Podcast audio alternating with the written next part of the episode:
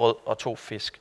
Så jeg vil gerne have, at når du, når du hører den her tekst blive læst op i dag, så overvejer du lige stemningen, der er sat. Du skal forestille dig, at der sidder 5.000 mennesker, 5.000 mænd, og det vil sige mænd, der er 20 år og opad. Så overvej, hvilken stemning der er på spil her i det besatte Israel.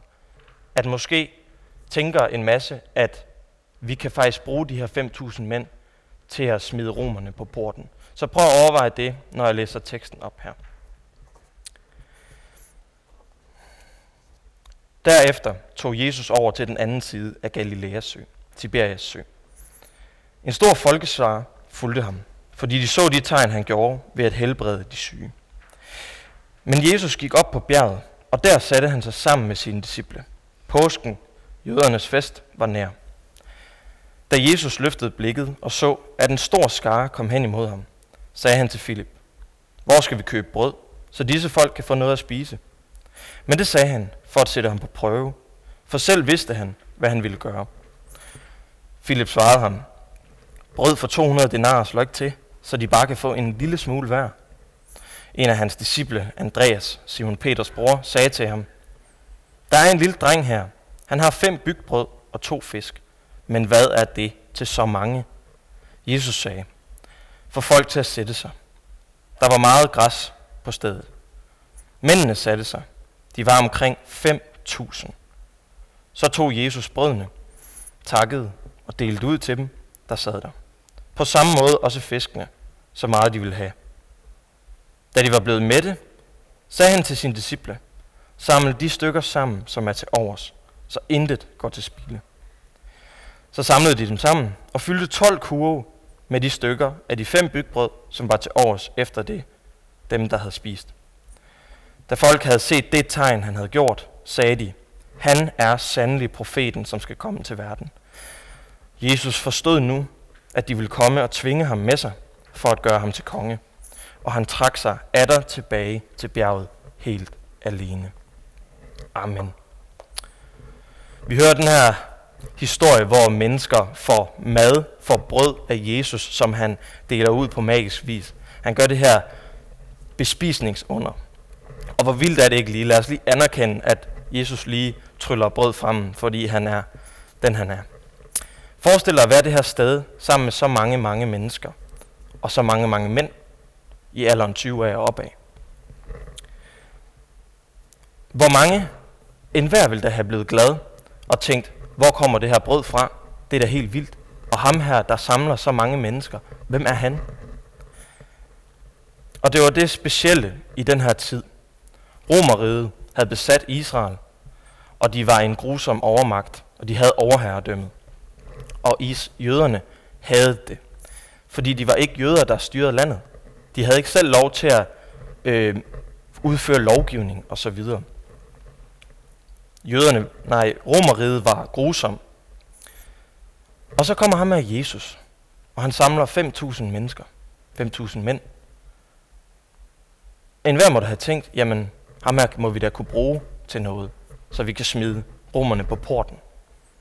Og det er ikke uden grund. De vil gerne have fred og ro og selvbestemmelse i sit eget land. De her mennesker, de så udelukkende Jesu tegn som et udtryk for mad, helt klart, det, gjorde jeg, det ville jeg da også have gjort, og et politisk middel til at få bugt med romerne. Indsæt Jesus som konge over Israel, og så få selvbestemmelse tilbage.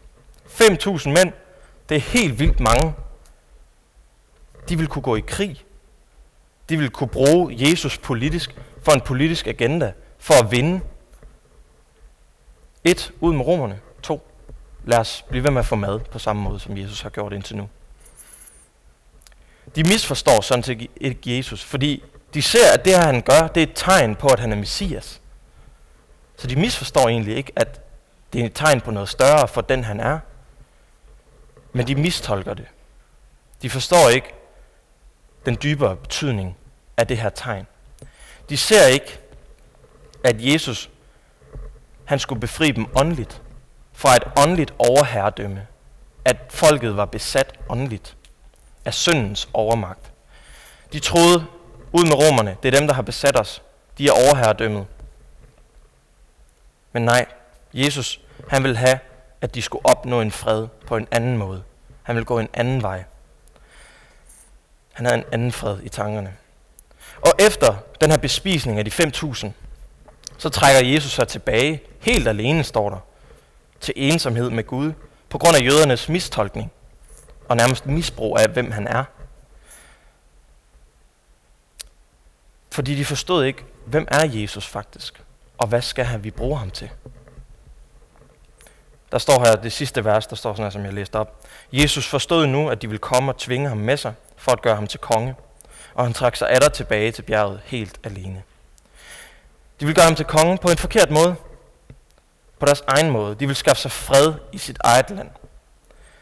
Kan vi også komme til at bruge Jesus på en bestemt måde, som ikke stemmer med den måde, som han faktisk skal bruges på? Bruges på, siger jeg i gåsøjne. Der er i hvert fald eksempler på det i kirkehistorien og igennem historien, at folk, der misbruger Jesus. Og det er lige præcis det, vi skal væbne os imod. Fordi det er så vigtigt at kende Jesus på den sande måde, Bibelens Jesus. Ikke en politisk Jesus. For som sagt, han forlader dem, der gør det. Han, han vil ikke være med til at virke for de mennesker, der misbruger hans navn. Måske for en tid, og så kommer han tilbage, når man har forstået og lært, hvem han virkelig er. De vil gerne bruge ham til den her agenda for at opnå fred og selvbestemmelse i landet. Og det kan jeg da godt forstå. Men det betyder også omvendt, at hvis vi lader være med at misbruge ham og bruge ham, altså at kende Jesus og følge ham på hans præmisser, så vil han virke i vores liv. Jesus forklarer på et senere tidspunkt for den her flok mennesker, og det er her, hvor den her sult kommer ind. Vi er i fastetiden, hvor vi trækker nogle ting ud af vores liv, for at kunne fokusere på, hvem Jesus er. For at tyve vores fokus ind på Gud, og det er bare godt. Jesus han taler til de her mennesker på et senere tidspunkt i kapitlet. Fokuser ikke på det fysisk mættende brød, som jeg giver jer. Nej, vær opmærksom på, at, så siger han det, jeg er livets brød, der kommer ned fra himlen. Jesus er den, som vi har behov for. I opnår ikke fuldkommen fred ved at gøre mig til konge og spare romerne ud af jeres land. Du opnår ikke fuldkommen fred ved at have styr på alting og have en balance i din hverdag og kunne mestre livets udfordringer. For livet vil komme op og snige sig op på dig, og så vil den skuffe dig. Det gør livet altid. Men hvis fred ikke er en tilstand af selvbestemmelse, ro i sit land og i sit liv, personligt for os, som vi kan forstå i dag, hvad er så fred? Hvad er det? Vi har alle sammen et billede af, hvad fred kan være.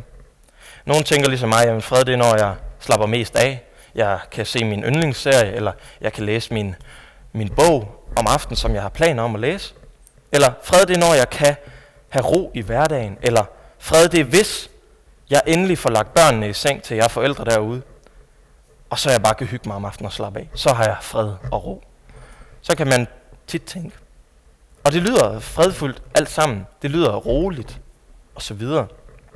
Og ordnet.dk, det er sådan en officiel ordbogsside for det danske sprog, der står her, at fred er en tilstand uden støj og forstyrrelser. Eller en anden definition, en tilstand uden krig eller uroligheder. Og det lyder fredfyldt. Det gør det da. At have ro og hvile og selvbestemmelse. Men freden skal have et fundament i vores liv. Det lyder meget fredsfuldt. Men er det den fred, vi dybest set længes efter? at bare kunne balancere hverdagens gørmål og pligter, når vi kommer til kort. Lad du mærke til, at alle de her fredsbegreber, som jeg nævnte, og fredssituationer og rolighedssituationer, som jeg nævnte, de har en betingelse ved. Det er når jeg, det er hvis jeg, hvis jeg kan opnå det her, hvis jeg kan aflevere det her projekt i tide, så kan jeg endelig have ro og selvbestemmelse, og kan gøre det, jeg vil. Fred og ro, hvis jeg ikke har problemer eller støj. Der kommer et tidspunkt, hvor de her betingelser ikke bliver opfyldt i vores liv. Og fred er ikke mit personlige billede af, hvad fred er. Fred er ikke, hvad dit personlige billede af, hvad, hvad fred kan være for dig. Det er heller ikke, hvad jøderne tænkte på det her tidspunkt i den her tekst, som vi læste. At fred var at opnå selvbestemmelse i eget land. Fred er en person, og han hedder Jesus Kristus.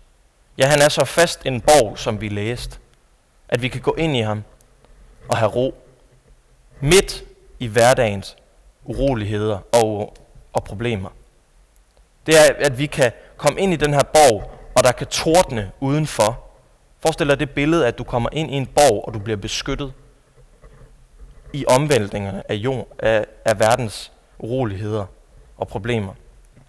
Jesus sagde, at freden, han står lige foran jer, og det er ham. Så kan jeg hjælpe dig med den her definition af, hvad fred er i dag. Så giv dig selv lov til at se den her nye definition af, hvad fred kan være. Den her bibelske definition. Og tag den til dig. Og bed Gud om at give den til dig. Fordi det er kun ham, der kan give os sin fred. For så når du oplever den her menneskelige ufred, problemer, så kan du vide med dig selv, at du har fred. Og så kan du faktisk have fred i dit liv, på trods af, at der er ufred og problemer og støj og angst og komme til kort og død og smerte af hverdagens problemer. Fred det er, når Paulus i det nye testamente kan blive pisket, kan blive forfulgt, kan blive slået, men stadigvæk kan være tilfreds, fordi han har hvile og fordi han har fred i Jesus. Kom til ham, hvis det er første gang, du hører om ham i dag. Kom til ham, hvis det er første gang, du hører om Jesus i dag. Kom til ham, hvis det er for tusinde milliarderne gang, at du hører om Jesus. Fordi det er hos ham, vi alle kan finde fred. Fordi han er freden. Jeg siger ikke, at du bare skal finde dig i ufred og problemer i dit liv og ubalance i din hverdag og så videre, og ikke tage ansvar. Nej, Jesus vil have, at vi tager ansvar. Han vil have, at vi finder en balance. Han vil have, at vi holder hviledagen, sabbaten, søndagen, kald den det hvad du vil. Og vi finder den her balance. Det er jo derfor, han har givet os den. Jeg siger ikke, at man skal være kristen, så skal man bare være overåndelig og rende rundt og sige, om oh, jeg er tilfreds, jeg har altid, jeg har Gud, og, jeg, og han har styr på det hele i mit liv. Nej, fordi der er synd i vores liv. Der er synd i den her verden, og der er problemer. Paulus, for at tage ham op igen, han flygtede, når han blev forfulgt. Han lavede et teltfirma for at tjene penge og til at få mad på bordet og hjælpe i menigheden og være uafhængig. og han ankede sin sag helt til kejseren på det her tidspunkt, fordi han blev behandlet dårligt og uretfærdigt i en retssag. Så det bibelske billede er på ingen måde, at vi bare skal finde os i alting. Men når Paulus siger, at han kender til freden, så er det fordi, han kender til et menneske. Han kender til Jesus Kristus, som også er Gud. Tænk over, hvordan du skaffer fysisk brød eller fysisk tøj på kroppen. Det er da fornuftigt. Men vid med dig selv, hvor din skat er, hvor din Gud er. Fordi det er nemlig Jesus Kristus, som har givet os del i kirkens universelle og smukke samfund, på trods af landegrænser, kultur, etniciteter osv. De her jøder i teksten, de misforstår Jesus. De tænker, at de skal bruge ham til at skaffe fred i deres eget liv og i deres egen situation, eget land for selvbestemmelse og have styr på tingene og ikke blive undertrykt. Men Jesus han vil gå en anden vej. Han vil have, at de åndeligt skulle befries, som jeg sagde til at starte på, fra syndens magt og få det evige liv sammen med Gud og hans folk. Det var sådan, de skulle have fred. Så, har du fred i dit liv? fra jaget af opgaver og mål og pligter. Nej, det kommer vi aldrig til at få fred med. Vi kommer aldrig til at få fred i vores liv på den måde, at vi kan balancere livet fuldstændig. I hvert fald godt gået til dem, der får styr på det. Men det er ikke den endelige og absolute fred. Hvis du tager den her bibelske definition til dig, så kommer du til at fortsætte med at opleve ufred og problemer i dit liv. Men du kommer til at kunne have en fred i dit liv, som går dybere og stikker dybere end alt andet så kan du aldrig blive skuffet. For kirken igennem 2000 år har aldrig været skuffet over, hvem Jesus Kristus i sandhed er. For han har givet os livets brød, for han er livets brød, og han kommer ned fra himlen givet af Gud og giver os frelsen. Amen. Lad os bede sammen. Kære himmelske far, tak for din menighed. Tak for din menighed her i Randers. Tak for de forskellige kirker rundt i Randers og vores menighed her. Jeg beder dig for menighederne rundt i hele verden, på jorden, din smukke menighed, som du har skabt. Du har skabt det her nye og fornyet Guds folk i Jesus Kristus. Tak for det på trods af landegrænser, etniciteter, så kan vi vide, at vi har fred i dig, Jesus. Og jeg beder dig om, du må velsigne Randers. Jeg beder dig om, du må velsigne kongehuset, velsigne myndighederne og magterne i vores verden, og give dem visdom til at kunne regere den her jord, og være et billede af den ordning, som du har nedsat. Gud, så beder jeg dig for vores menighed her i Randers. Jeg beder dig om, at du må velsigne os alle sammen og give os trøst til den kommende uge. Gud, gør os klar til påsken, som er om et stykke tid. Jeg beder dig om, at vi må få et fornyet blik på din påskefred, som du bringer ved at gå i døden for, for os. I Jesu Kristi navn. Amen.